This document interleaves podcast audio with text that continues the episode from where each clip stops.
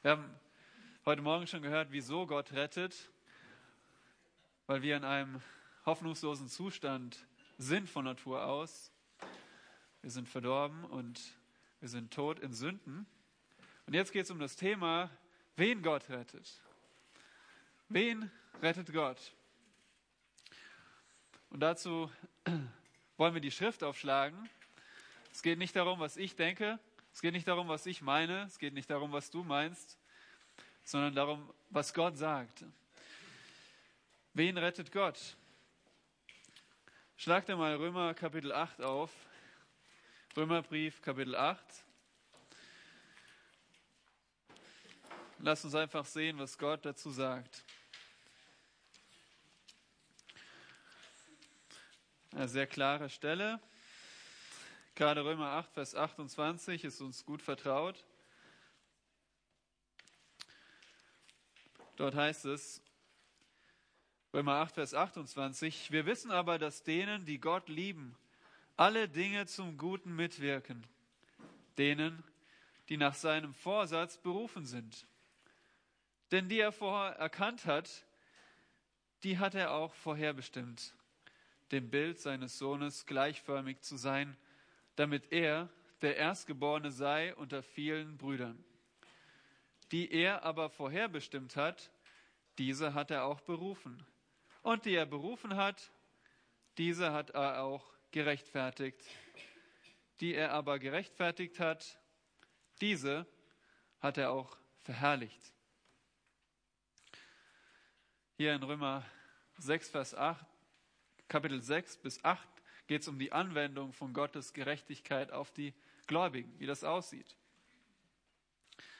Wir leben nicht mehr unter der Kontrolle des sündigen Fleisches, sondern der Geist Gottes bestimmt unser Leben, sagt Römer Kapitel 8. Und dennoch ist unser Leben nicht frei von Schwierigkeiten als Christ und Paulus schreibt diese Verse, um Christen zu ermutigen in Schwierigkeiten. Was tröstet, tröstet uns? Diese Verse, alle Dinge dienen denen zum Besten, die nach dem Vorsatz berufen sind. Und dann führt er diese wunderbare Kette an über die Frage, wen Gott rettet. Und hier habt ihr eine ganz einfache Antwort auf eure Frage. Wen rettet Gott? Die vorher Erkannten, die vorher Bestimmten, die Berufenen die Gerechtfertigten und die Verherrlichten. Nun, das sind nicht fünf verschiedene Gruppen, sondern eine Gruppe. Genauso wie wenn ihr einkaufen geht und Äpfel sieht und ihr wählt euch eine bestimmte Anzahl Äpfel aus. Das sind die ausgewählten. Dann geht ihr zur Kasse, kauft die. Das sind die gekauften Äpfel. Dann geht ihr sie und wascht sie dann geht ihr hin und schneidet sie und esst sie. Das sind dieselben Äpfel. Genauso ist es hier auch. Dieselben Personen sind gemeint. Das können wir gut in einer Kette darstellen. Die vorher Erkannten sind die vorher Bestimmten. Sie sind berufen, sie sind gerechtfertigt und sie sind verherrlicht. Das ist eine unzerstörbare und untrennbare Kette des Heils. Wir können nicht ein Glied entfernen. Es gehört zusammen. Das ist der Gedanke, den Paulus hier sagt. Es sind dieselben Personen, aber beschreibt verschiedene Schritte des Heils. Nun fangen wir mal an bei dem ersten. Hier steht vorher erkannt. Hier geht es nicht um einfach nur eine Information oder ein Wissen zu kennen. Der Begriff vorher erkannt das ist, seht ihr selbst aus dem Text. Die vorher erkannten sind Personen, keine, kein Wissen oder keine bloße Kenntnis, keine abstrakte Kenntnis. Es sind Personen und diese Personen sind Personen, die Gott lieben. Ja? Vers 28, die Gott lieben. Es geht um Personen. Und in Verbindung mit Menschen bedeutet dieses Wort vorher erkennen eine intime Kenntnis, eine Liebe, Eine Beziehung. Es ist eine intime Beziehung, die hier angesprochen wird. Wir sehen das schon im Alten Testament, wenn es um das Erkennen einer Person geht. Nicht nur, ach, ich weiß, wie der aussieht oder ich kenne seinen Namen, sondern ich kenne ihn auf eine, auf eine innige Weise. Und so sehen wir hier gerade diese beiden Glieder am Anfang, die wollen wir uns heute anschauen. Denn da geht es um das Thema der Erwählung Gottes. Vorher erkennen zeigt uns die Erwählung aus Sicht von Gottes Liebe. Ich habe eben gesagt, dass das Wort vorher erkennen drückt diese Beziehung aus. Diese Beziehung, die Gott schon zu den Gläubigen hat, bevor sie überhaupt existieren. Und dann sehen wir vorher bestimmt. Das ist die Beziehung, äh, das ist die Erwählung aus Sicht von Gottes Souveränität. Und das zusammen ist das Thema der Erwählung Gottes. Und weil diese Kette am Anfang beginnt, wollen wir uns auch genau dieses Thema anschauen. Diese, diese beiden Glieder, an denen alles hängt, nämlich Gottes Erwählung aus Sicht seiner Liebe und aus Sicht seiner Souveränität. Im Folgenden wollen wir uns vier Fragen stellen an, zum Thema Gottes Erwählung zum Heil. Darum soll es gehen. Wen rettet Gott, die er zuvor erkannt hat, die er zuvor bestimmt hat? Die Erwählten. Und diese vier Fragen sind, welche Grundlage hat die Erwählung? Was lehrt die Bibel über die Erwählung und was lehrt sie nicht? Und dann will ich ebenso schließen wie Sam mit einer praktischen Anwendung. Was tun wir jetzt damit? Wie soll diese Lehre unser Leben beeinflussen? Denn das ist letztendlich der Grund, warum wir hier sind. Wir wollen nicht nur unseren Kopf füllen, sondern wir wollen Gott ähnlicher werden. Wir wollen seinen Willen besser verstehen und in unserem Leben anwenden. Und so fangen wir an mit der Frage, welche Grundlage hat die Erwählung? Da geht es um die Frage, wir müssen zuerst verstehen, mit wem wir es zu tun haben. Stell dir vor, du gehst als äh, gehst Sport machen. Für die jungen Leute jetzt zum Beispiel, wenn sie Fußball spielen gehen und du gehst auf einen Fußballplatz und das, das ist jemand, der alleine kickt und du gehst zu ihm hin und irgendwie kommt er dir bekannt vor, aber egal, fragst, ob ihr zusammen kicken könnt. Und irgendwann kommt dein Freund dazu und sagt, wer ist denn das? Kennst du den? Das ist doch Cristiano Ronaldo. Du denkst du, oh was? Nein! Cristiano Ronaldo, der Weltfußballer. Und du hast gar nicht erkannt, mit wem du es zu tun hattest.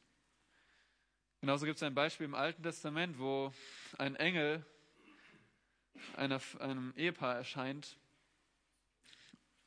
nämlich den Eltern von Simson.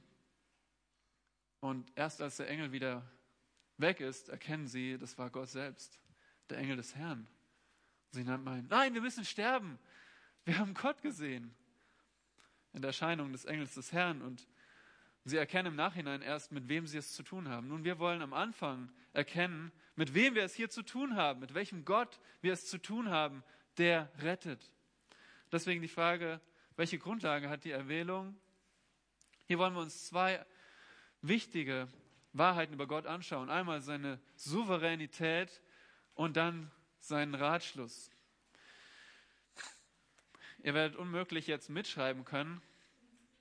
Von daher, äh, ja, hört einfach zu und ich kann euch das Material nachher gerne geben.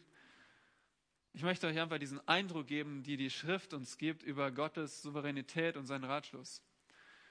Gottes Souveränität. Was bedeutet eigentlich Souveränität? Wir gebrauchen das sehr gerne und häufig. Souveränität bedeutet, dass jemand allerhöchste Macht und Autorität hat. Ihr kennt das zum Beispiel von Regierungen. Zum Beispiel ein Staat, der über sich selbst oder andere Staaten bestimmt. Ein Staat, der sich nicht nach anderen Staaten richten muss, sondern über sich selbst bestimmt souverän ist. Das ist der Gedanke von Souveränität. Nun, die Schrift sagt, dass Gott souverän ist. Woran sehen wir das? Er ist der Schöpfer des gesamten Universums. Er ist gleichzeitig auch derjenige, der es besitzt. Er hat sich nicht zurückgezogen und lässt jetzt Naturgesetze den Laden schmeißen. Er ist derjenige, der alles kontrolliert, nach wie vor. 5. Mose 10, Vers 14. In 1. Chronik 29 lesen wir, dass Gott nicht nur der Schöpfer ist, er ist auch derjenige, der alles regiert, der alles erhält, der alles zu seinem bestimmten Ziel und zum Ende aller Dinge bringt. Das bedeutet Souveränität. Nun, die Schrift lehrt uns, dass Gott einen souveränen Willen hat. Gott hat einen souveränen Willen.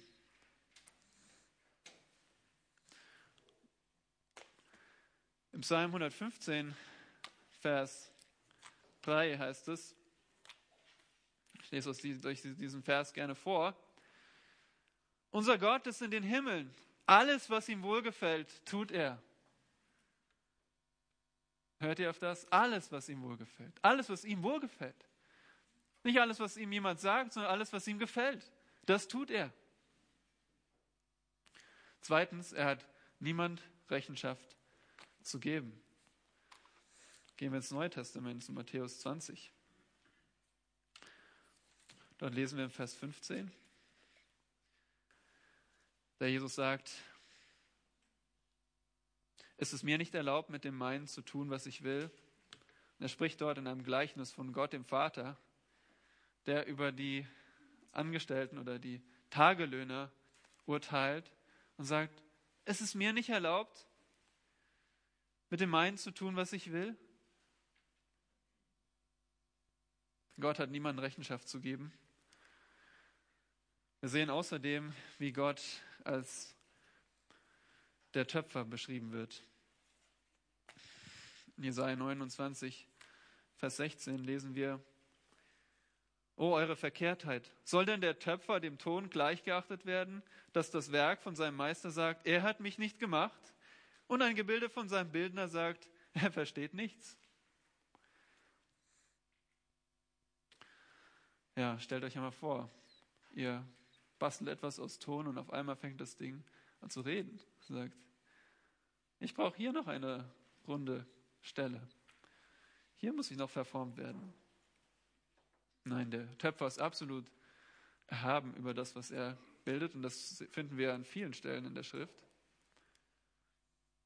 Jesaja 40, Vers 15 bis 17. Diese wunderbare Schau von Gottes Größe. Wo es heißt, siehe, Nationen gelten wie ein Tropfen am Eimer und wie Staub auf der Waagschale. Siehe, Inseln hebt er hoch wie ein Stäubchen.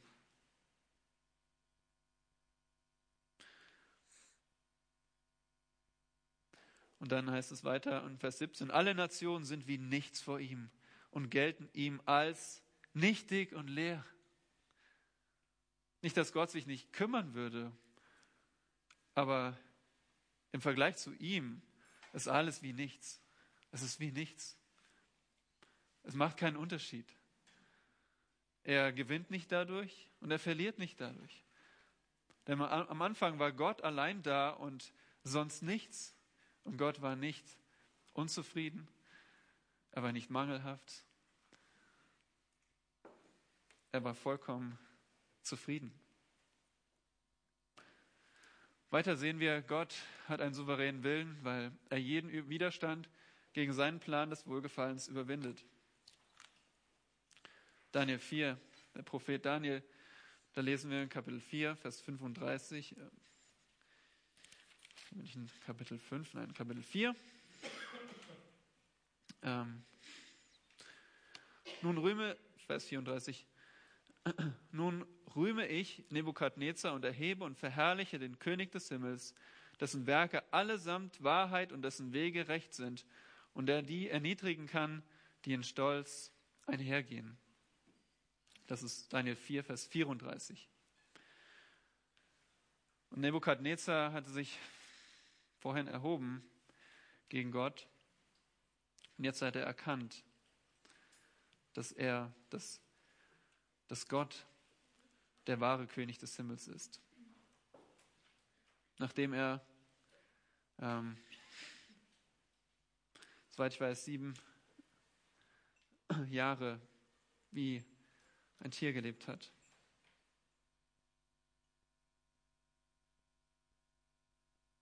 Sieben Jahre werden vergehen, genau. Nach sieben Jahren, als er wie ein Tier sich verhalten hat, da erkennt er, Gott ist der König des Himmels und Gott hat seinen, seinen Stolz überwunden. Außerdem schenkt Gott Gnade oder verhärtet gemäß seines Willens. Wieder haben wir das Bild des Tons in Römer Kapitel 9. Er schenkt Gnade oder er verhärtet. Im Neuen Testament verteilt er geistliche Gaben, wie er will. Er schenkt dem einen diese Gabe, dem anderen jene Gabe, so wie es ihm wohlgefällig ist. Und schließlich ist, er ist niemand außer sich selbst verpflichtet. Er ist nicht unser, ja, unserem Urteil verpflichtet. Er braucht sich nicht danach zu richten. Wieder das Bild von dem Töpfer und dem Ton. Hat der Töpfer nicht Macht über den Ton, aus derselben Masse das eine Gefäß zur Ehre und das andere zur Unehre zu machen? Gott handelt niemals willkürlich oder er handelt auch niemals gleichgültig. Aber trotzdem handelt er immer völlig freiwillig. Er ist ungebunden an nichts und niemanden, außer an sein eigenes Wesen. Er bestimmt, was und wen er wann, wo und wozu er schafft, so wie es ihm gefällt. Das ist, das ist unser Gott, das ist sein souveräner Wille. Außerdem sehen wir, dass Gott eine souveräne Macht hat. Er hat nicht nur einen Willen und braucht sich nach niemand zu richten, er hat auch Macht zu tun, was immer er will. Gott ist allmächtig, das zu bewerkstelligen, wozu er sich entschlossen hat, gemäß seines Ratschlusses. Und doch übersteigt seine Macht sogar die Grenzen seines Ratschlusses. In anderen Worten, er könnte noch so viel mehr tun, als er tatsächlich in Zeit und Raum tut. Schaut einmal Matthäus 3, Vers 9, da steht ganz am Anfang,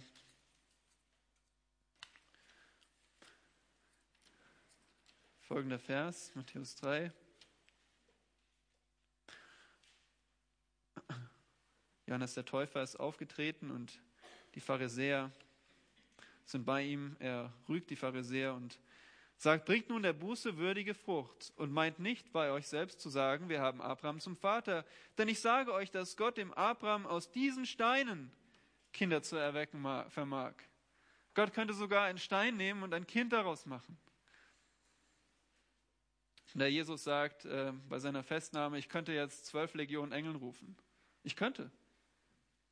Aber nach seinem Plan hat er es nicht getan. Gottes Macht ist aber niemals von seinen Perfektionen getrennt. Gott kann zum Beispiel nicht lügen, weil er der Gott der Wahrheit ist. Alles, was seinen Perfektionen, ein anderes Wort für Eigenschaften, entspricht, das kann Gott tun. Wir sehen außerdem zweitens nach Gottes Souveränität seinen Ratschluss. Gottes Ratschluss wird auch in der Bibel genannt sein ewiger Vorsatz, der Wohlgefallen seines Willens oder der Rat seines Willens.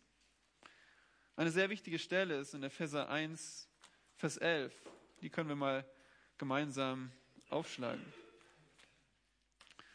Dort sehen wir seinen Ratschluss. Und ich möchte, dass ihr das für euch selbst seht. Denn wenn es nicht aus der Schrift kommt, weswegen vergeuden wir unsere Zeit? Epheser 1, ein Kapitel, wo wir uns noch häufiger aufhalten werden. Dieser wunderbare Lobpreis für Gottes Segnung in Christus für die Gemeinde. Und dort lesen wir in Vers 11, und in ihm, das ist in Christus, in ihm haben wir auch ein Erbteil erlangt, die wir vorherbestimmt waren nach dem Vorsatz dessen, der alles nach dem Rat seines Willens wirkt. Wie, reicht, wie weit reicht sein Ratschluss? Er umfasst alles. Alles wirkt er nach seinem Ratschluss. Und welche Eigenschaften hat sein Ratschluss? Wir lesen in der Schrift, dass sein, äh, sein Ratschluss ewig ist, denn er hat ihn geschlossen, bevor es die Zeit gab. Außerdem ist er deswegen bedingungslos. Denn wenn Gott seinen Ratschluss schloss, als es noch nichts gab, außer ihm selbst, so gab es auch keine Bedingung, an die sein Ratschluss geknüpft sein konnte. Im Anfang war nur das Wort. Im Anfang war Gott, der dreieinige Gott und sonst nichts. Und deswegen ist auch sein Ratschluss äh, unüberwindbar. Niemand kann seinen Ratschluss aufhalten. Ich denke, ein Vers, den wir uns gut merken sollten, wenn wir auch über das Thema der Erwählung sprechen. Jesaja 14, Vers 27. Denn Yahweh, der Herrscher, hat es beschlossen. Wer wird es ungültig machen? Und seine Hand ist ausgestreckt. Wer wendet sie zurück? Wenn Gott es beschlossen hat, wer will es aufhalten? Wer will es rückgängig machen? Wer will es revidieren? Die Antwort ist natürlich niemand. Und außerdem umfasst sein Ratschluss alles, was es gibt. Die Liste reicht von Himmelskörpern, Wetter, Nahrung, Grenzen, Regierungen, Lebensspannen, Herzensentschlüsse, Ziele, Mittel, Handlungen, Entscheidungen bis zu Wünschen. Und hier ist nur ein Vers als Beispiel genannt, wo Josef am Ende seines Lebens erkennt, dass es Gott war, der ihn nach Ägypten gebracht hat, um Heil für seine Nachkommen oder für seine Familie zu wirken. Nun, wenn Gott für alles, äh, wenn Gott alles nach seinem Vorsatz wirkt, dann stellt sich natürlich die Frage, was ist mit dem Bösen? Ist Gott schuldig für das Böse? Nun, da haben wir nicht genug Zeit, darauf einzugehen, aber lasst mich eins erwähnen. Was ist das größte Übel, das je auf der Erde passiert ist? Das größte Übel ist, dass der heilige und gerechte und vollkommene Sohn Gottes verurteilt wird zu Unrecht und den schrecklichsten Tod am Kreuz stirbt. Das ist das größte Übel. Und Apostelgeschichte 2 sagt, das hat Gott vorherbestimmt. Und genau durch dieses größte Übel hat er den größten Segen gebracht. Aber Apostelgeschichte 2 sagt ebenso, wer hat ihn ans Kreuz gebracht? Die unmittelbare Ursache waren die Juden. Und wer hat ihn gekreuzigt? Die wirksame Ursache waren die Römer. Und doch ist Gott souverän darüber. Und nichts geschieht, was er nicht bestimmt hat. Und das gilt genauso für die Erwählung. Deswegen kommen wir jetzt zu der Frage, was lehrt die Bibel über Erwählung? Und damit meinen wir die Erwählung zum Heil. Aber es gibt auch noch andere Arten von Erwählung, andere Kategorien. Das Wort Erwählung kommt im Alten Testament 200 Mal vor. Fast 200 Mal im Alten Testament und 22 Mal im Neuen Testament. Wir sehen verschiedene Arten der Erwählung. Wir sehen, Erwählung ist ein biblisches Konzept, weil es die Erwählung zum Dienst gibt. Mose wird erwählt, Israel aus Ägypten zu ziehen. Levi wird erwählt als der Stamm für der Priester. David wird zum König erwählt, Salomo wird erwählt, den Tempel zu bauen. Jeremia wird zum Propheten erwählt. Der Herr Jesus Christus selbst. Er ist erwählt als der Eckstein der Gemeinde. Die Apostel sind vom Herrn Jesus Christus erwählt zu ihrem Dienst. Außerdem sehen wir, dass Gott Gemeinschaften erwählt. Allen voran natürlich das Volk Israel Israel wurde als Gemeinschaft erwählt, um ein Vorrecht zu haben. Und sie wurden erwählt aus Liebe. Nicht, weil sie so gut waren, sondern weil Gott so gut war. Und so wurde Israel erwählt, um ja, der Kanal für die Welterlösung zu sein, das Volk zu sein, durch das der Messias kommt. Das Volk zu sein, durch das die umliegenden Völker von Gott erfahren sollten. Und wir sehen auch die Gemeinde ebenso als eine erwählte Gemeinschaft zum Heil. 1. Petrus 2 zum Beispiel, Vers 9 bis 10. Genauso sehen wir die Erwählung von einzelnen Personen, einzelne Personen zum Heil. Schon Adam und Eva werden begnadigt in 1. Mose 3 und sind damit erwählt zur Begnadigung. Noah findet Gunst in Gottes Augen, ist erwählt, um nicht in der Flut zu sterben. Abraham ist erwählt, um Segen zu empfangen. Mose erwählt, um Gunst zu empfangen. Isaak, Jakob, Jeremia. Und dann sehen wir im Neuen Testament, wie Gläubige erwählt sind. Und hier kommen jetzt einige Stellen für euch, die wir uns ansehen wollen. Matthäus 11, Vers 25 bis 27. Zu jener Zeit begann Jesus und sprach, ich preise dich, Vater, Herr des Himmels und der Erde, dass du es vor Weisen und Verständigen verborgen und des Unmündigen offenbart hast. Der Jesus hat hier bestimmte Menschen, oder er, er betet zum Vater und sagt, bestimmte Menschen hast du erwählt, dass sie dich erkennen. Und anderen ist es verborgen geblieben. Wir sehen außerdem in Johannes 5, Vers 21 einen Kontext, in dem es darum geht, dass Jesus und der Vater eins sind in ihrer Macht. Denn wie der Vater die Toten auferweckt und lebendig macht, so macht auch der Sohn lebendig, welche er will. Hier geht es um, um Leben. Und ebenso, wenn ihr euch den Kontext anschaut, auch um geistliches Leben. Johannes 6, Vers 44. Niemand kann zu mir kommen, wenn nicht der Vater, der mich gesandt hat, ihn zieht. Und ich werde ihn auferwecken am letzten Tag. Der Jesus predigt eine Botschaft des Evangeliums zu den Menschen. Er sagt, ich bin das Brot des Lebens. Glaubt an mich. Aber genauso erklärt er, dass niemand zu, ihm kommen kann, den der Vater nicht zieht. Johannes 13 ist er mit seinen Jüngern im Obersaal und sie liegen zu Tisch und er weiß, einer von ihnen wird ihn verraten. Und er sagt, ich rede nicht von euch allen, ich weiß, welche ich erwählt habe. Aber damit die Schrift erfüllt würde, der mit mir das Brot isst, hat seine Verse gegen mich aufgehoben. Von jetzt an sage ich es euch, ehe es geschieht, damit ihr, wenn es geschieht, glaubt, dass ich es bin. Wer ist derjenige, der nicht dazugehört?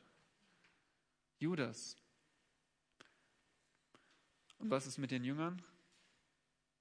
Sie sind es, die Jesus Christus wirklich erkannt haben und ihm glauben. Die glauben, dass er es ist. Sie sind diejenigen, die er erwählt hat. Johannes 15, immer noch ist er mit seinen Jüngern am letzten Abend vor, dem, vor der Kreuzigung. Und er sagt, ihr habt nicht mich erwählt, sondern ich habe euch erwählt und dazu bestimmt, dass ihr hingeht und Frucht bringt und eure Frucht bleibe, damit was ihr den Vater bitten werdet, in meinem Namen er euch gebe. Der Jesus stirbt, er wird vom, zum, äh, vom Toten auferweckt, er lebt, er fährt in den Himmel auf, seine Apostel verkündigen das Evangelium. Apostelgeschichte 13, Vers 48 steht, als aber die aus den Nationen es hörten, freuten sie sich und verherrlichten das Wort des Herrn und glaubten. Es glaubten so viele zum ewigen Leben verordnet waren. Römer 8 haben wir schon gesehen. Römer 9. Wieder, denn als die Kinder noch nicht geboren waren, das ist hier Jakob und Esau, und weder Gutes noch Böses getan hatten, damit der nach freier Auswahl gefasste Vorsatz bestehen bliebe, nicht aufgrund von Werken, sondern aufgrund des Glaubens. Nein, hier steht nicht aufgrund des Glaubens. Hier steht aufgrund des Berufenen. Aufgrund des Berufenden wurde zu ihr gesagt, der Ältere wird dem Jüngeren dienen. Wie geschrieben steht, Jakob habe ich geliebt, aber Esau habe ich gehasst. Genau, da ist ein Kontext, dem es darum geht, dass sie nur bestimmte Menschen Gnade und die Verheißung erlangen aus Israel. Nicht alle Israeliten erlangen die Gnade und Verheißung. Und dann gibt Paulus dieses Beispiel von Isaaks Söhnen, Jakob und Esau. Dann Kapitel 11 geht es immer noch um das Volk Israel. Und er sagt, was nun, was Israel sucht, das hat es nicht erlangt, aber die Auswahl hat es erlangt. Die übrigen jedoch sind verstockt worden. Epheser 1, Vers 4. Gepriesen sei der Gott und Vater unseres Herrn Jesus Christus. Er hat uns gesegnet mit jeder geistlichen Segnung in der Himmelswelt in Christus, wie er uns in ihm auserwählt hat, vor Grundlegung der Welt, dass wir heilig und tadellos vor ihm seien in Liebe. Oder besser, in Liebe hat er uns vorherbestimmt zur Sohnschaft durch Jesus Christus, für sich selbst, nach dem Wohlgefallen seines Willens. Auserwählt vor Grundlegung der Welt. In 1. Thessalonicher 1, Vers 4 sagt Paulus, wir kennen von Gott, geliebte Brüder, eure Auserwählung. Warum? Weil er sieht, wie sich ihr Leben verändert hat. In 2. Thessalonicher schreibt er nochmal zu ihnen, wir aber müssen Gott alle Zeit für euch danken, vom Herrn, geliebte Brüder, dass Gott euch von Anfang an erwählt hat zur Rettung in Heiligung des Geistes und im Glauben an die Wahrheit. 2. Thessalonicher 2, Vers 13. Am Ende seines Lebens schreibt er an Timotheus, wiederum schreibt er, deswegen erdulde ich alles um der Auserwählten willen, damit auch sie die Rettung, die in Christus Jesus ist, mit ewiger Herrlichkeit erlangen. 2. Timotheus 2, Vers 10 und 1. Petrus, da fängt der Brief schon genauso an. Petrus, Apostel Jesu Christi, an die Fremdlinge in der Zerstreuung in Pontus, Galatien, Kappadokien, Asien, Bithynien, die auserwählt sind, gemäß der Vorsehung Gottes des Vaters. Und schließlich Offenbarung 13. Nun, wenn man den Vers ohne Kontext liest, denkt man, hä, was ist das denn? Aber hier geht es in dem Zusammenhang um das Tier aus der Erde, ähm, beziehungsweise jetzt mir tatsächlich ein Fehler unterlaufen. Das soll das Tier aus dem Meer heißen. Das Tier aus der Erde kommt erst später. Es geht um das Tier aus dem Meer. Das Tier aus dem Meer muss hier heißen. Und dann heißt es, und alle, die auf der Erde wohnen, werden ihn anbeten. Dieses Tier aus dem Meer ist der Antichrist. Alle werden ihn anbeten und jeder, dessen Name nicht geschrieben ist im Buch des Lebens des geschlachteten Lammes von Grundlegung der Welt an. Jeder, der nicht geschrieben ist in diesem Buch, wird dieses Tier, den Antichrist, anbeten. Ich könnte noch weiter sprechen von den Versen, wo Gläubige als Erwählte bezeichnet werden. Aber ich möchte euch jetzt, nachdem ihr gesehen habt, wie sich das, die Lehre der Erwählung durch die Schrift zieht, die Erwählung zum Heil, euch eine Definition geben, damit wir das in kompakte Gedanken fassen können. Die Erwählung zum Heil ist Gottes freie und souveräne Wahl. Es ist die freie und souveräne Wahl Gottes. Allein aufgrund des Wohlgefallens seines Willens, seine Liebe auf bestimmte Individuen zu richten, bestimmte Personen, um sie von Sünde und Verdammnis zu retten und ihnen durch Christi Werk die Segnungen des ewigen Lebens zu schenken. Also Gott ist souverän. Erwählung ist Teil seines souveränen Ratschlusses. Und in diesem Ratschluss hat er die Entscheidung gefasst, einfach aufgrund seines Wohlgefallens, bestimmte Menschen zu, ähm, zu retten, seine Liebe auf bestimmte Menschen zu richten und um sie zu retten von Sünde und Verdammnis durch das Werk Christi. Und diese Definition wollen wir jetzt nochmal gemeinsam durchgehen. Das erste ist, die Erwählung ist bedingungslos. Sie ist aufgrund des Wohlgefallens Gottes. Und Gottes Erwählung ist ganz anders als unsere Erwählung. In unserer Familie essen wir gern Joghurt, verschiedene Sorten. Es ist interessant, immer, ähm, wir beobachten, dass immer bestimmte Marken sind runtergesetzt und die kann man dann kaufen und dann geht man zum Kühlregal und schaut, okay, welche Sorte möchtest du, Karle? Welche Sorte möchtest du, Jonathan? Hm, noch eins für Mama. Und dann wählen wir aus nach dem, was uns gefällt. Welche Sorte? Letztens gab es irgendwie weiße Schokolade, Kokos. Also die ersten Sorten gibt es da. Und man geht hin und man wählt sich das aus, was einem am besten gefällt. Was, wo man denkt, das, das wäre doch am leckersten. Und so wählen wir täglich aus. Wir wählen unsere Kleidung aus. Wir wählen aus äh, unseren Sitzplatz in der Bahn. Wo könnte ich was, wo könnte ich am ungestörtesten sitzen? Wo zieht's nicht? Und manche sagen, genauso erwählt Gott solche Menschen, die die besten Eigenschaften haben. Oder äh, die Menschen, die, von denen er weiß, dass sie glauben würden. Die Frage ist, was haben wir gesehen in Epheser Kapitel 1? Wann erwählt Gott? Frage an dich. Vor oder nachdem du geglaubt hast? Davor. Noch eine Frage. Wann erwählt Gott? Vor oder nachdem du geboren bist? Davor. Wann erwählt Gott? Vor oder nach der Schöpfung? Verse 1, Vers 4. Wie er uns in ihm auserwählt hat, vor Grundlegung der Welt. Vor Grundlegung der Welt, als nichts da war. Und damit sind persönliche Verdienste und Charakter alles ausgeschlossen. Ausgeschlossen als Grund für die Erwählung. Das ist irrelevant für Gott. Was ist die Grundlage? Vers 5. Und uns vorherbestimmt hat zur Sohnschaft durch Jesus Christus, für sich selbst, nach dem Wohlgefallen seines Willens. Preis den Herrn, dass es nicht auf uns ankommt, sondern nur auf seinen guten Willen. Wir könnten noch zu anderen Stellen hingehen, aber wir haben keine Zeit. Es geht eben nicht um den Glauben, sondern Gerade wo Paulus in Römer 9 diesen Kontrast macht, nicht aus Werken, wir kennen häufig so diesen Kontrast, wir sind gerettet nicht aus Werken, sondern durch Glauben. Bei der Erwählung ist es anders. Nicht aus Werken, sondern aufgrund von Gottes Willen, seiner Berufung, seines Wohlgefallens. Zweitens, Erwählung ist, genau, wann erwählt Gott vor Grundlegung der Welt? Weshalb? Aufgrund des Wohlgefallens seines Willens.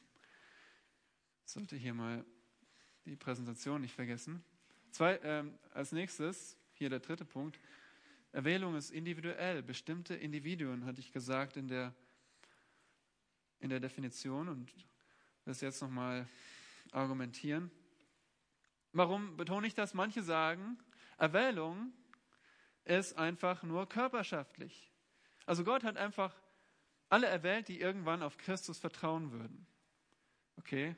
Also wie so ein, eine nebulöse, undefinierte Masse. Und jeder, der glaubt, ist dann automatisch erwählt. Nun kann es sein, dass Gott einfach eine Körperschaft erwählt hat, die ähm, in Christus ist, die auf Christus vertrauen.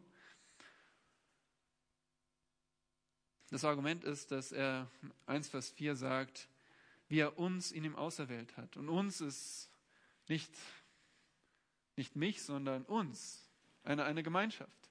Nun, ich frage euch, wie hätte er es sonst ausdrücken sollen? Hätte er sagen sollen, äh, wie er mich auserwählt hat und damit kommunizieren, allein mich? Nein. Hätte er sagen sollen, wie er dich in ihm auserwählt hat aber Paulus schrieb doch an eine Gemeinde, er schrieb doch an viele, er schrieb doch nicht nur an eine Person. Hätte er schreiben sollen, wie er euch in ihm auserwählt hat? Das hätte kommuniziert, nur euch, nur euch als Empfänger. Nein, er sagt das Einzige, was er nehmen kann. Er sagt uns, jeden individuellen Gläubigen. Dich und mich und wir alle, die wir an Christus glauben. Eine andere Sichtweise ist, Christus ist Gottes Erwählter und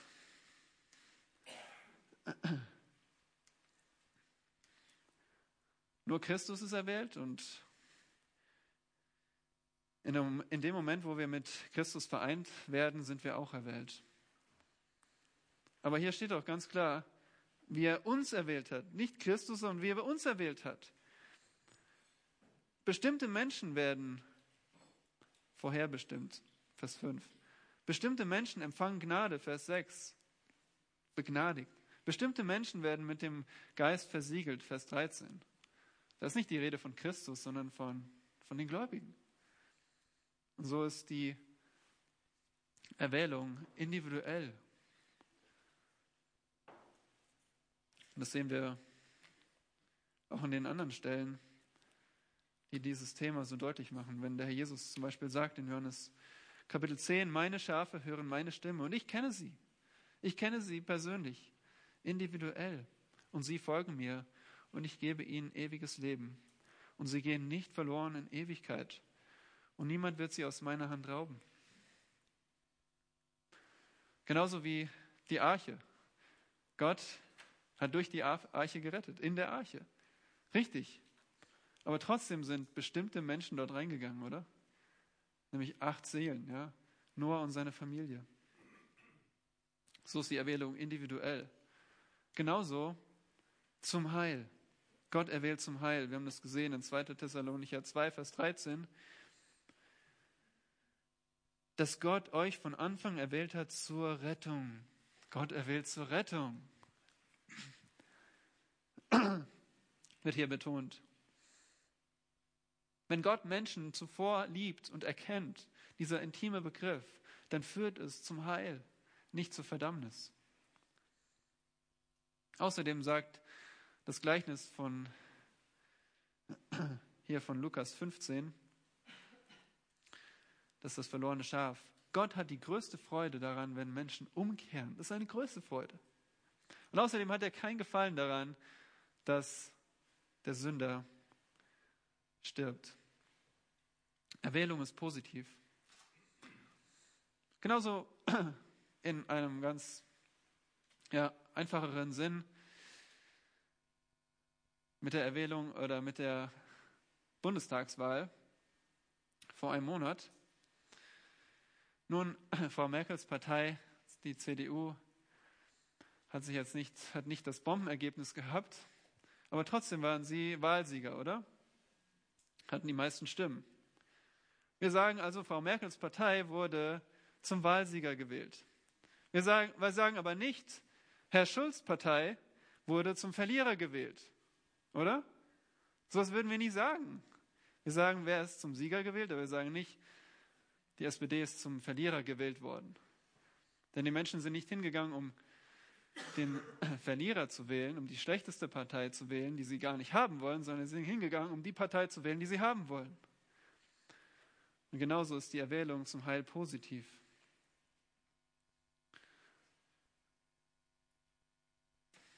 Kommen wir weiter zu der Frage, was lehrt die Bibel nicht über Erwählung, um es eindeutig zu machen, was wir glauben, was wir nicht glauben, was die Schrift sagt, was sie nicht sagt. Ich denke, wir werden da auch noch drauf eingehen können bei der morgigen Frage- und Antwortstunde. Deswegen will ich das nur kurz anreißen. Aber es kommt der, äh, es kommt die, der Vorwand, nun, wenn Gott erwählt, dann sind wir eigentlich nur Puppen und Roboter. Wir könnten das nennen Mechanismus. Das ist ja eigentlich nur Mechanismus.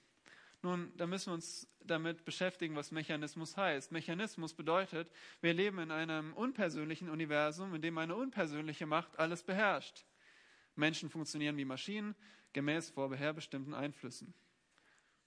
Nun, die Schrift sagt, es ist kein Mechanismus. Ich habe bewusst diese Stelle aus Jakobus 3, Vers 9 genommen, weil man könnte ja sagen, vor dem Sündenfall waren wir im Ebenbild Gottes geschaffen. Nach dem Sündenfall sind wir nur noch Roboter und, und Maschinen. Aber Jakobus 3 schreibt nach dem Sündenfall, nämlich zur Zeit des Herrn Jesus oder zur Zeit der Gemeinde, sagt er in 3 Vers 9, mit der Zunge, mit ihr preisen wir den Herrn und Vater, mit ihr fluchen wir den Menschen, die nach dem Bild Gottes geschaffen worden sind. Wir sind im Bild Gottes geschaffen. Wir sind keine Maschinen. Wir sind keine Roboter. Wir sind keine Puppen. Wir sind Ebenbilder Gottes. Personen. Und als echte Personen haben wir die Fähigkeit zu hören und unseren Willen auszuüben. Und so wird es deutlich, wenn der Herr Jesus seinen Dienst getan hat. Und diese Stelle ist eine sehr traurige Stelle, wo er am Ende sagt, Jerusalem, Jerusalem, die da tötet die Propheten und steinigt, die zu ihr gesandt sind. Wie oft habe ich deine Kinder versammeln wollen, wie eine Henne ihre Küken versammelt, unter ihre Flügel, und ihr habt nicht gewollt. Eine Maschine hat keinen Willen, Personen schon. Zweitens, wir könnten auch einwenden, wir hätten keine Wahl, Christus anzunehmen, denn unsere Entscheidungen wären ja gar nicht echt, wenn Gott nach seinem Vorsatz alles vorherbestimmt hat.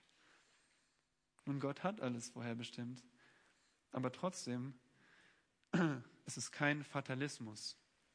Fatalismus ist Definition ein System, in dem menschliche Entscheidungen keinen Unterschied machen. Jedes Bemühen oder Entscheidung sind zwecklos für den Ausgang. Ja, du könntest dich entscheiden, ich will das tun, aber es wird dir doch verwehrt. Die Bibel lehrt, Erwählung ist kein Fatalismus. Es gibt tatsächlich Entscheidungen und die beeinflussen den Verlauf der Ereignisse. Johannes 3, Vers 18, wo wir den Vers finden, dass der Sohn Gottes gekommen ist, um zu retten.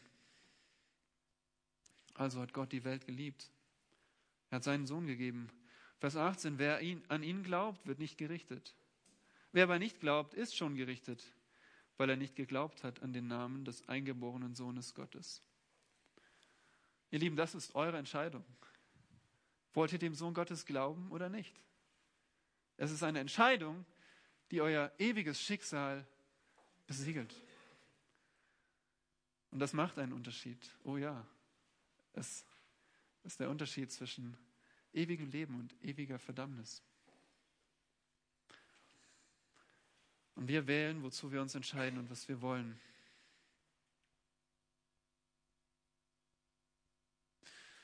Nun, ein weiterer Einwand ist, dass es unfair ist. Es ist auch unfair, wenn Gott erwählt. Es ist unfair, wenn er zum Heil erwählt. Gott ist, sei schuldig dafür, dass Menschen nicht glauben. Gott sei unfair, weil er nicht alle rette. Gott sei unfair, weil er als oberste Ursache über menschlichen Entscheidungen steht. Nun, die Schrift, die Schrift wehrt das ganz einfach ab. Es geht nicht um Fairness. Wenn wir fair sein wollen, verdienen wir alle das Gericht. Römer 1, Vers 20 sagt, dass wir alle ohne Entschuldigung sind, egal wo wir leben. Ja, egal, ob wir hier in Deutschland leben, wo wir das Vorrecht haben, das Evangelium zu hören, oder ob wir in Papua-Neuguinea leben. Ich kenne Missionare dort, die dort äh, in ein Dorf gehen, die Sprache lernen, und, um ihnen dann das Evangelium zu bringen. Vorher hätten sie gar keinen Zugang zu der Botschaft. Aber selbst diese Menschen sind ohne Entschuldigung. Römer 1, Vers 20 sagt, sie sehen Gottes unsichtbares Wesen in der Erschaffung der Welt. Sie haben das Gewissen, das ihnen sagt, dass es gut und falsch gibt. Und trotzdem sind sie ohne Entschuldigung, selbst wenn sie das Evangelium nie gehört haben. Warum? Nun, Gott könnte genauso das getan haben. Gott könnte genauso das getan haben, was er in 2. Petrus Kapitel 2, Vers 4 mit den Engeln gemacht hat. Ihr wisst, die Engel sind, ein, ein Teil der Engel ist gefallen, hat sich gegen Gott aufgelehnt, so wie wir uns gegen Gott auflehnen. Und was hat Gott gemacht? Denn wenn Gott Engel, die gesündigt hatten, nicht verschonte, sondern sie in finsteren Höhlen des Abgrundes gehalten und zur Aufbewahrung für das Gericht überliefert hat, Wisst ihr, Gott hat die Engel sofort gerichtet und sie sind aufbewahrt für den Feuersee. Genauso hätte er es mit uns machen können. Keine Errettung. Für die Engel gibt es keine Errettung. Er hätte sagen können, aus und vorbei. Alle gehen in die Hölle. Aber nein, er hat einige heraus erwählt und, und wird sie retten. Und letztlich, Sam hat es schon angedeutet, Einfach Gott hat, können auch meinen, Gott hat vorausgesehen, in die Zukunft geblickt, welche Menschen aus freiem Willen heraus an Christus glauben würden. Und die Erwählung bedeutet, dass er einfach in die Zukunft geschaut hat. Vorher erkannt bedeutet einfach vorher wissen. Und auch das ist unbiblisch, denn unsere so wichtige Stelle, mit der wir begonnen haben, Römer 8, Vers 29 sagt, die er vorher erkannt hat. Wer ist die? Personen, keine Fakten. Gott hat Personen vorher erkannt. Und wenn ihr sagt, ähm, Gott, Gottes Erwählung bedeutet, dass er einfach nur Fakten vorhersieht, Dann hat er also nur einige Fakten vorhergesehen, willst du mir sagen? Er hat nur ein, einige Fakten vorhergesehen, nämlich die, die glauben würden. Also sieht Gott nicht alles vorher. Also ist Gott nicht allwissend. Und du willst mir sagen, du glaubst an einen Gott, der nicht allwissend ist? Du glaubst, dass die Bibel Unrecht hat, wenn sie sagt, dass Gott alle Weisheit hat und alles Wissen? Dass er die Dinge sieht, bevor sie passieren? Das wäre die logische Konsequenz. Und darum ist das ebenso falsch. Erwählung ist kein passives Voraussehen. Es ist ein aktives Vorher lieben, vorher erkennen. Somit hoffe ich, haben wir die, die ähm, wunderbare Lehre der Erwählung deutlich definiert anhand der Schrift. Und schließlich, wie sollen wir auf diese Lehre reagieren? Was sollen wir jetzt tun? Nun, fünf, fünf Reaktionen, die die Schrift uns sagt. Ich hoffe, sie sind auch logisch für euch. Und das erste ist, dass wir Gott loben. Gepriesen sei der Gott und Vater unseres Herrn Jesus Christus.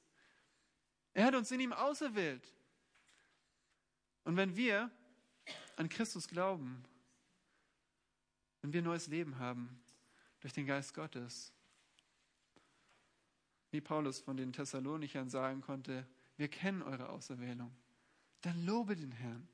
Preise ihn dafür, dass du von ihm erwählt bist. Herr, warum, warum ich? Das führt uns zu Demut, ja. Dass wir mit Demut reagieren und uns fragen, warum sollte ich das sein? Und die Antwort ist, nun, es liegt nicht an dir. Es liegt an, in keinster Weise an dem, wer du bist. Es war einfach Gottes wohlgefällige Wahl. Und das ist gut so, weil sonst, wenn es an uns liegen würde, hätte er, hätte er niemand erwählt, weil niemand hat ihm gefallen. Gott hat uns in unserer Sünde und unserer Verdorbenheit gesehen und hat uns da heraus erwählt aufgrund seines Wohlgefallens. Das ist auch ein großer Trost. Das ist ein großer Trost. In dem Zusammenhang wird es ja gerade in Römer 8 verwendet. Die Welt äh, vergeht. Wir sind der Vergänglichkeit unterworfen. Wir leiden sogar nach obendrein als Christen, wenn wir uns für Christus, zu Christus bekennen. Aber Gott sagt, wir wissen, Gott sagt durch Paulus, dass wir wissen, dass denen, die Gott lieben, alle Dinge zum Guten mitwirken. Gott hat einen, einen Plan, uns so viel mehr zu schenken in der Zukunft vor allem und in unseren Breiten, gerade sogar schon jetzt, erleben wir unnatürlichen Frieden und einfach offene Türen für das Evangelium. Es ist ein Trost, dass Gott souverän ist und es nicht an uns hängt, ob wir es schaffen. Genauso soll es uns aber auch anspornen. Und viele sagen, ja, wenn Gott erwählt hat, dann brauche ich ja gar nichts mehr zu tun, dann brauche ich mich auch nicht mehr äh, an seine Gebote halten, dann kann ich so leben, wie ich will. Ich bin ja erwählt. Nun halblang, dann hast du genau die Lehre der Erwählung missverstanden. Dann gehst du genau in die andere Richtung, was diese Lehre dir sagt. Überall, wo sie erwähnt wird, auch in Epheser, in ihm sind wir auserwählt, damit wir heilig sein und tatenlos. Gott hat uns auserwählt, damit wir ihm ein heiliges Leben führen, dass wir schließlich in der Zukunft vollkommen heilig gemacht werden, innerlich und äußerlich. Kolosser 3, Vers 12 sagt er, zieht nun an als Auserwählte Gottes, als Heilige und Geliebte, herzliches Erbarmen Güte, Demut, Milde, Langmut. Du bist auserwählt, dann sei demütig, zieh die Milde an, zieh die Langmut an. Das soll dich dazu motivieren.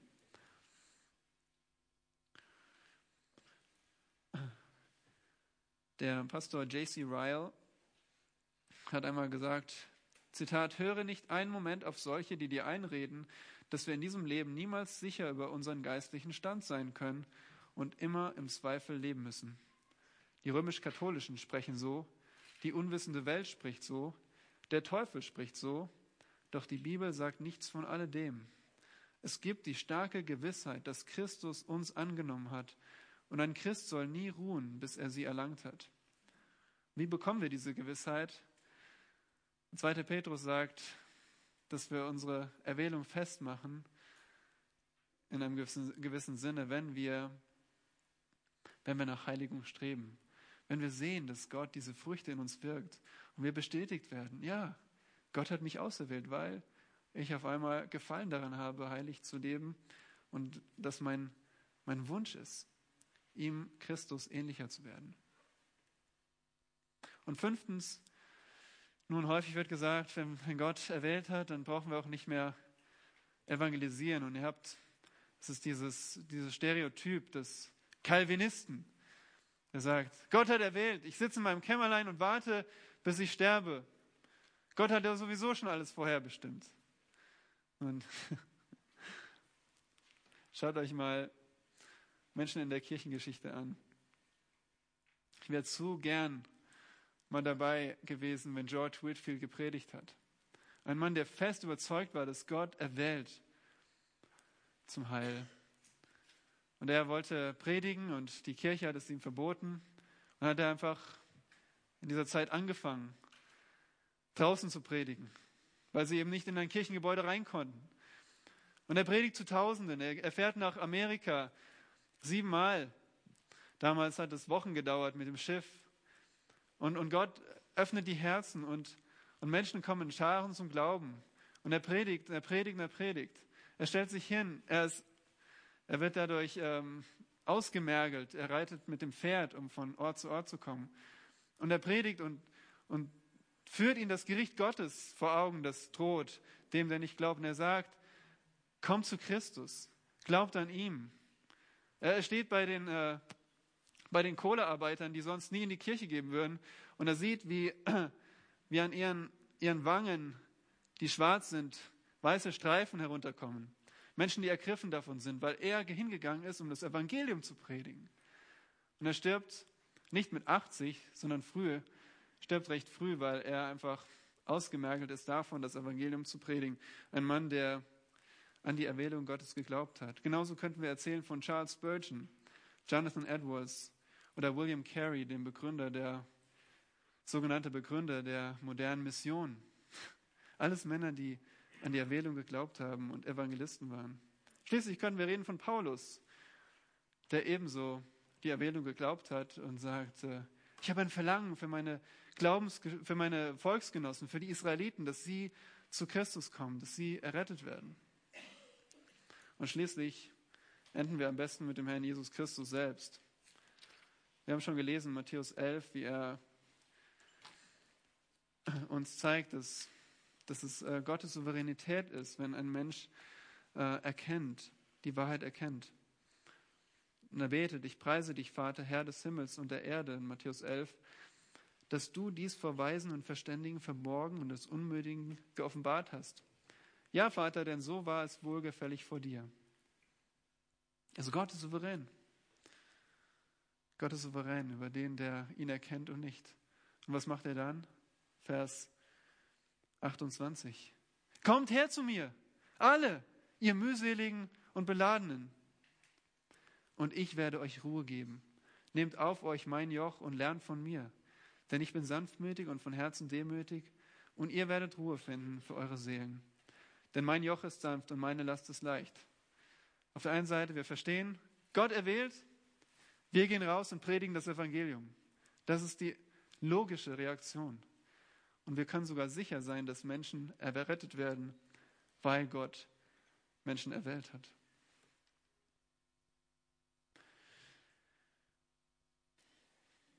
Schließlich noch der Aufruf an dich.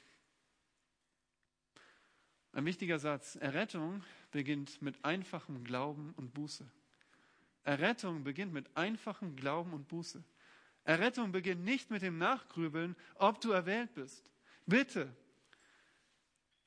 sitz nicht hier und denk jetzt nach, bin ich erwählt oder nicht, sondern frag dich selbst, Hast du schon geglaubt? Hast du dein ganzes Vertrauen auf Jesus Christus, der nicht nur Retter ist, sondern auch Herr? Hast du dein ganzes Vertrauen auf die Person Jesu Christi, den Sohn Gottes gesetzt? Bist du umgekehrt von deinen Sünden? Hast du gesagt, ich habe so gelebt, weil ich selbst Herr über mein Leben sein wollte, aber jetzt habe ich erkannt, ich bin schuldig vor Gott. Ich verdiene Strafe, wirklich, ich verdiene sie. Aber hier höre ich von Christus, der an der Stelle von Sündern gestorben ist und der meine Schuld vergeben kann. Ich, ich vertraue mein ganzes Leben ihm an. Ich, ich glaube an ihn. Und was immer in meinem Leben ist, was seinem Wort missfällt, was seinem Wort entgegensteht, das, will ich, das will, soll weg sein, das will ich ablegen. Damit beginnt Errettung. Versuche nicht die geheimen Ratschlüsse Gottes zu ergründen, sondern gehorche den klaren Geboten der Schrift. Die Lehre der Erwählung führt uns an unsere Grenzen. Wir erkennen, Gott ist so groß. Und das ist der Sinn dabei. Gott ist einfach, Gott ist Gott. Nicht der Mensch ist Gott, Gott ist Gott. Das ist die einfache Lehre. Und was sollen wir tun? Wir sollen den Geboten folgen. Wir können den Geboten folgen. Tut Buße und glaubt an das Evangelium. Das ist das klare Gebot des größten Evangelisten, der je gelebt hat, der Herr Jesus Christus. Er ist derjenige, der erwählt und er ist derjenige, der errettet. Wer immer zu ihm kommt, sagt er in Johannes Kapitel 6. Vielleicht können wir damit schließen, wo diese beiden Wahrheiten so deutlich nebeneinander stehen. Da sagt er, alles, was mir der Vater gibt, wird zu mir kommen. Wenn der Vater einen Menschen dem Christus nicht gegeben hat, wird er auch nicht kommen. Aber alles, was mir der Vater gibt, wird zu mir kommen. Und wer zu mir kommt, den werde ich nicht hinausstoßen. Wenn du zu Christus kommen willst, so wird er dich nicht hinausstoßen. Amen. Danke für eure Aufmerksamkeit. Lasst mich noch zum Schluss beten.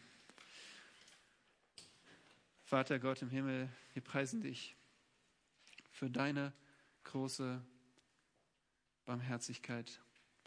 Danke, dass du uns in Christus auserwählt hast, dass du uns in ihm alles geschenkt hast. Nicht, weil wir irgendetwas gebracht hätten, getan hätten oder gewesen wären, sondern allein aufgrund deines Wesens, weil du bist, der du bist, weil du wohlgefallen hast an der Errettung von Menschen. Danke, dass du jeden rettest, der zu dir kommt im Glauben und in der Buße. Und Herr, wenn, wenn jemand hier ist, der dich noch nicht kennt, der noch nicht diesem klaren Gebot gefolgt ist, so bitte ich dich, dass du ihm die Augen öffnest und dass er kommt zu dir, Herr, und Heil empfängt. Amen. Markus.